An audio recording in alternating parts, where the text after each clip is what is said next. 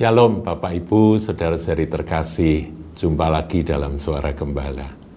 Saudaraku, kali ini kita akan merenungkan sesuatu yang penting, meskipun kadang-kadang ini menimbulkan kontroversi.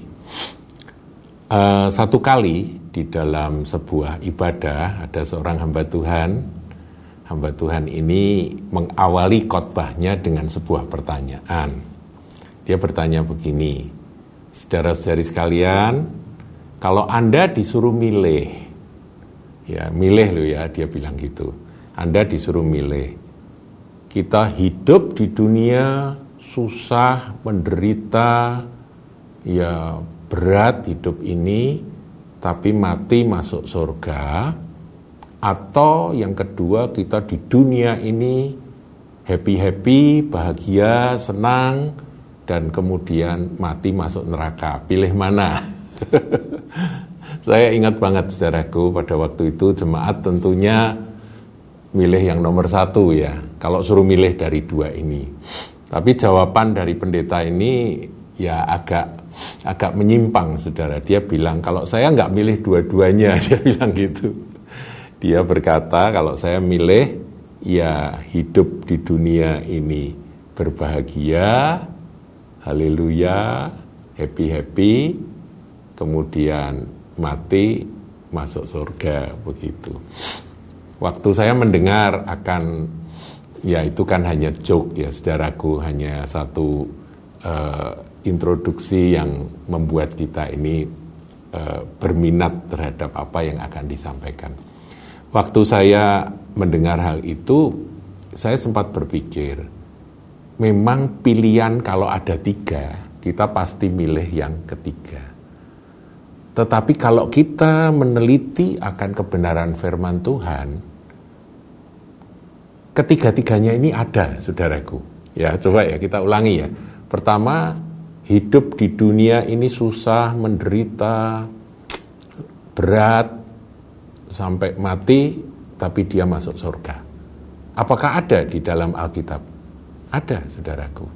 Contoh yang Tuhan berikan itu very clear, sangat jernih, sangat jelas, yaitu tentang Lazarus dan orang kaya, perumpamaan Lazarus dan orang kaya. Ini bukan perumpamaan, saudaraku karena Tuhan Yesus mengawali dalam Lukas 16 ayat yang ke-19 itu ada seorang kaya yang selalu berpakaian jubah ungu. Jadi dia tidak berkata ini adalah sebuah perumpamaan ya. Ya mungkin perumpamaan, mungkin tidak, tapi yang jelas perkataan Tuhan ini adalah sebuah kebenaran. Meskipun itu hanya perumpamaan, itulah kebenaran. Ya jadi ada orang kaya setiap hari bersukaria dalam kemewahan, berpakaian jubah ungu dan kain halus. Itu orang kaya, senang-senang.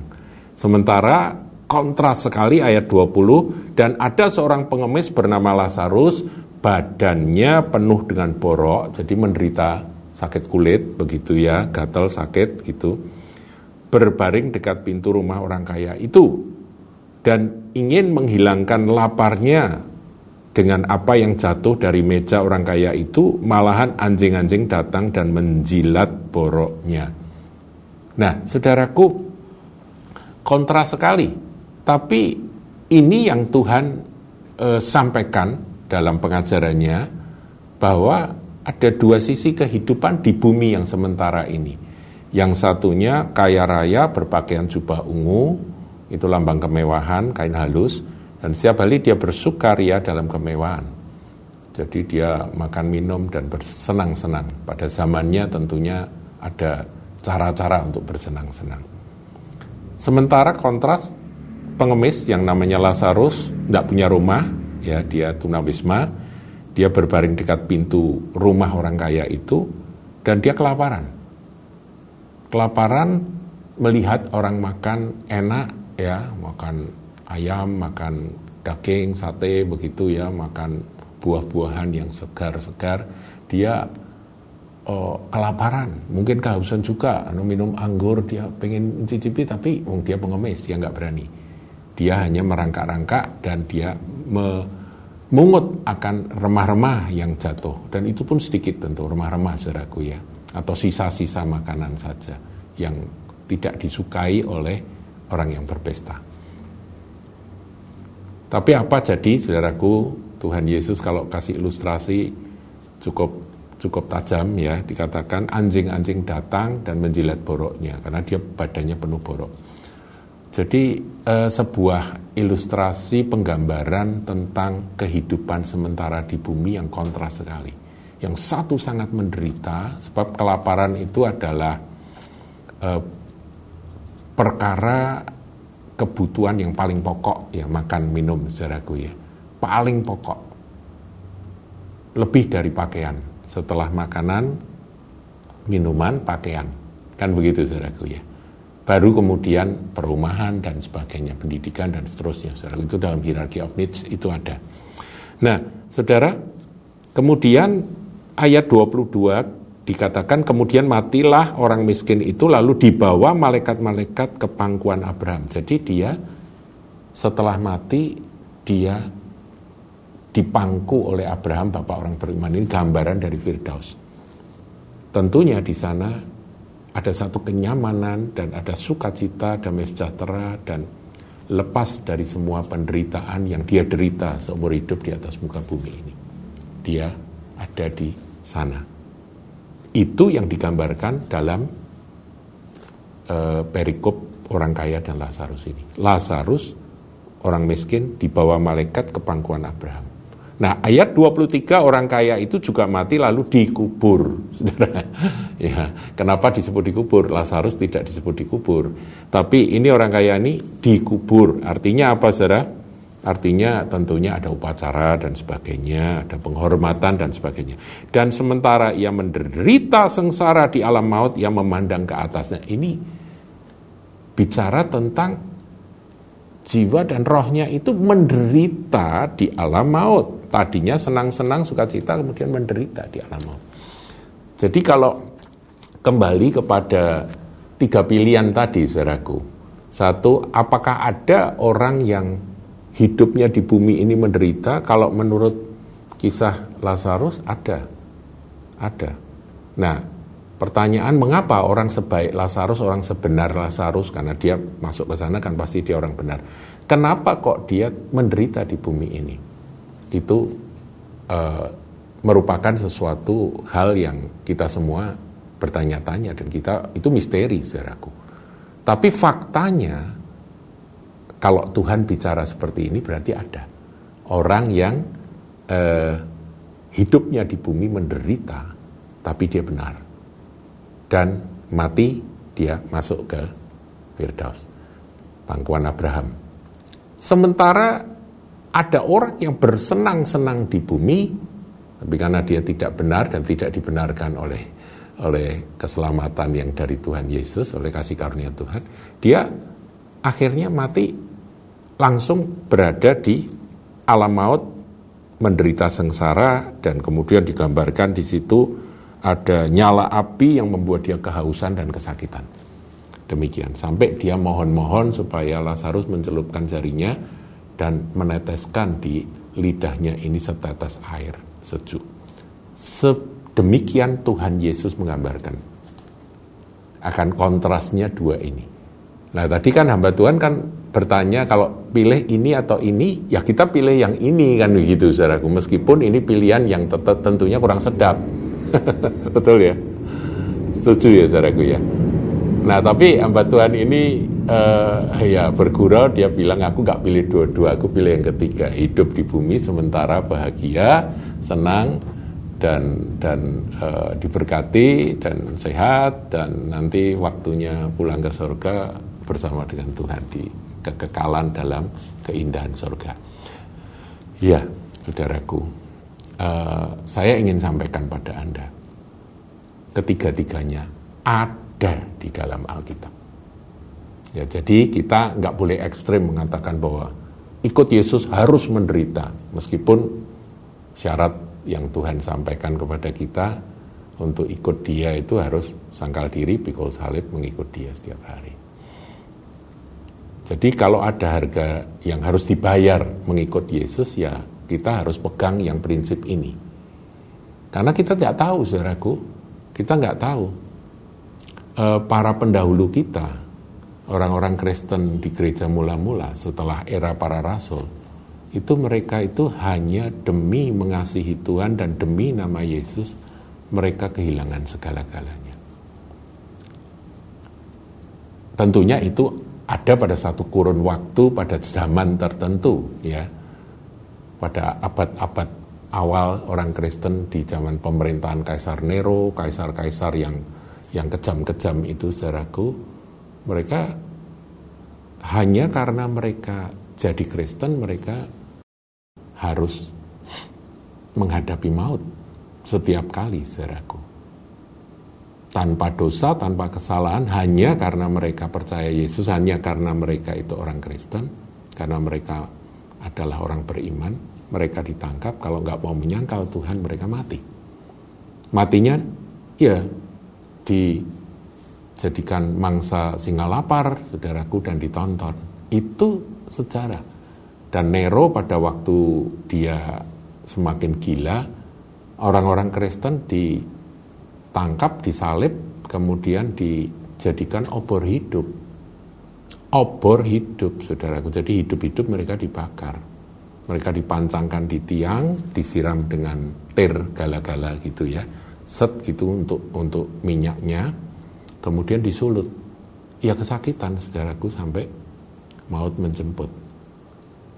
Sementara mereka berpesta di bawah dengan penerangan obor hidup manusia itu. Itu terjadi di dalam sejarah, saudaraku. Jadi jangan sekali-kali kita berkata bahwa kita hanya mau milih yang ketiga. Kalau boleh milih, kalau berdoa minta sama Tuhan ya enggak apa-apa. Wong kenyataannya memang ada orang-orang Kristen yang berbahagia di bumi ini, sukacita, damai sejahtera, sampai akhir hidupnya dia pulang ke surga. Paham ya saudaraku ya, jadi kita harus menjadi orang Kristen, anak Tuhan yang yang Alkitabiah, full gospel, saudara. Saya akan tunjukkan ayat, saudara, apa yang dihadapi oleh eh, pendahulu-pendahulu kita. Di dalam surat Ibrani itu dijelaskan, surat Ibrani ayat eh, pasal 10 ayat yang ke-32 mulai. Ibrani 10 32 saya bacakan. Ingatlah akan masa yang lalu. Ini dia berbicara pada orang-orang yang sudah di dalam Kristus. Ingatlah akan masa yang lalu. Sesudah kamu menerima terang, jadi terang itu menerima Kristus, kamu banyak menderita. Menderita loh saudaraku, setelah menerima Kristus, mereka menderita. Dan karena kamu bertahan dalam perjuangan yang berat, menderita oleh karena kamu ya kamu banyak menderita oleh karena kamu bertahan dalam perjuangan yang berat. Jadi ini nggak masuk kategori yang pilihan ketiga. Mereka terima Yesus, mereka memperoleh terang Kristus itu, mereka bertahan dalam perjuangan yang berat, tidak ringan, dan banyak menderita. Ayat 33. Baik waktu kamu dijadikan tontonan oleh cercaan dan penderitaan. Ya, saya kira ini mengacu pada peristiwa-peristiwa ketika mereka itu demi nama Yesus mereka itu diajak diolok di depan umum dijadikan tontonan dan cercaan. Dan mereka menderita.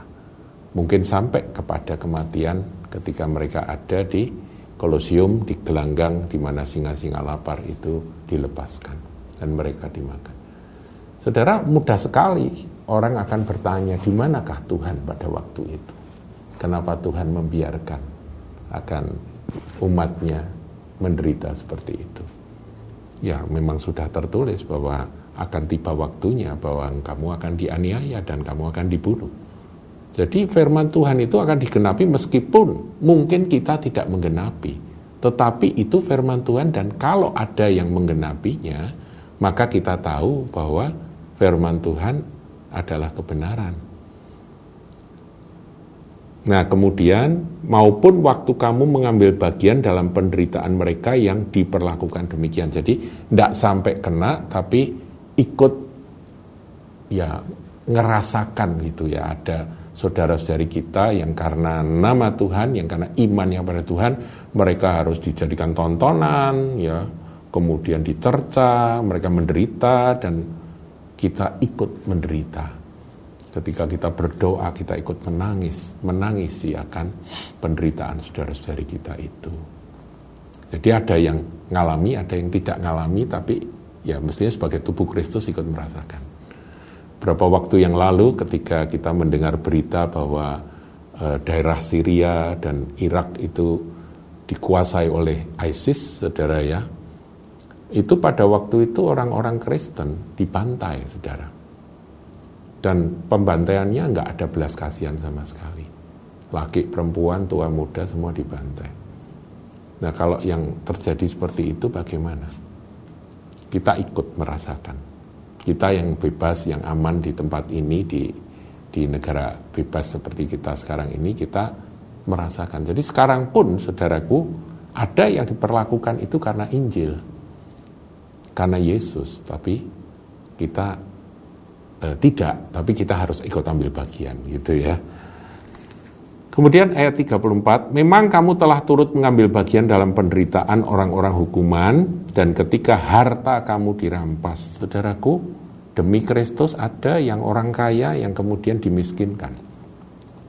Kamu menerima hal itu dengan sukacita. Oh, dahsyat saudara.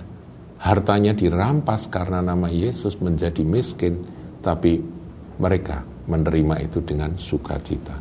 Sebab kamu tahu bahwa kamu memiliki harta yang lebih baik dan yang lebih menetap sifatnya.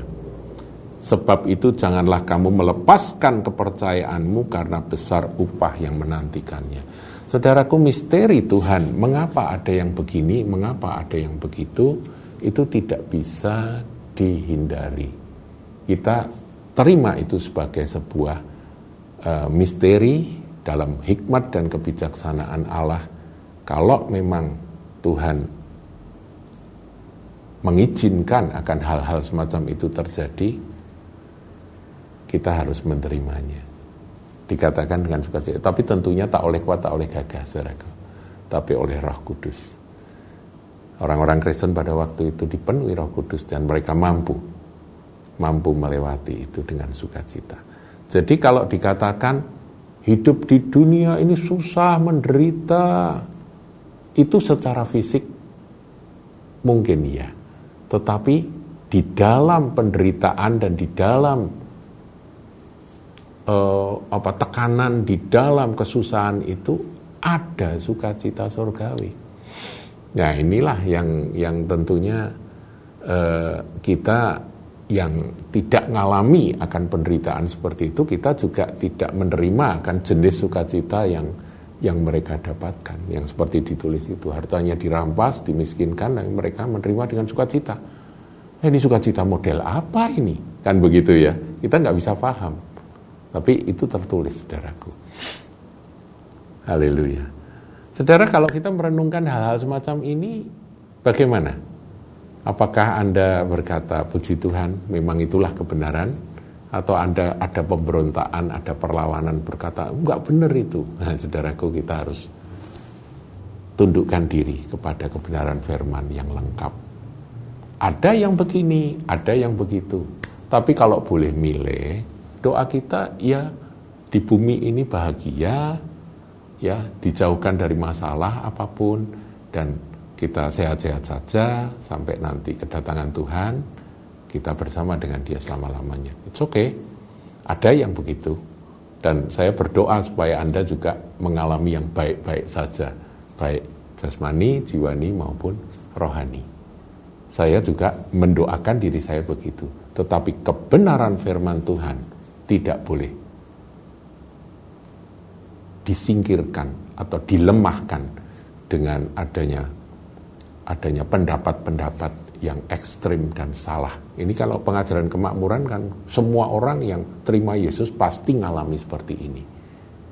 Pasti wah diberkati, dilimpahi, sukses, hidup wah, luar biasa, enak dan kemudian mati masuk surga gitu ya. Ya semuanya tentunya tertarik kalau di, di, diiming-imingi dengan pengajaran seperti itu, tapi itu bukan Alkitab saudara. Saya berharap Anda menjadi dewasa, semakin hari semakin dekat dengan kedatangan Tuhan. Mari kita semakin mengenal akan kebenaran firman yang lengkap. Tuhan Yesus memberkati.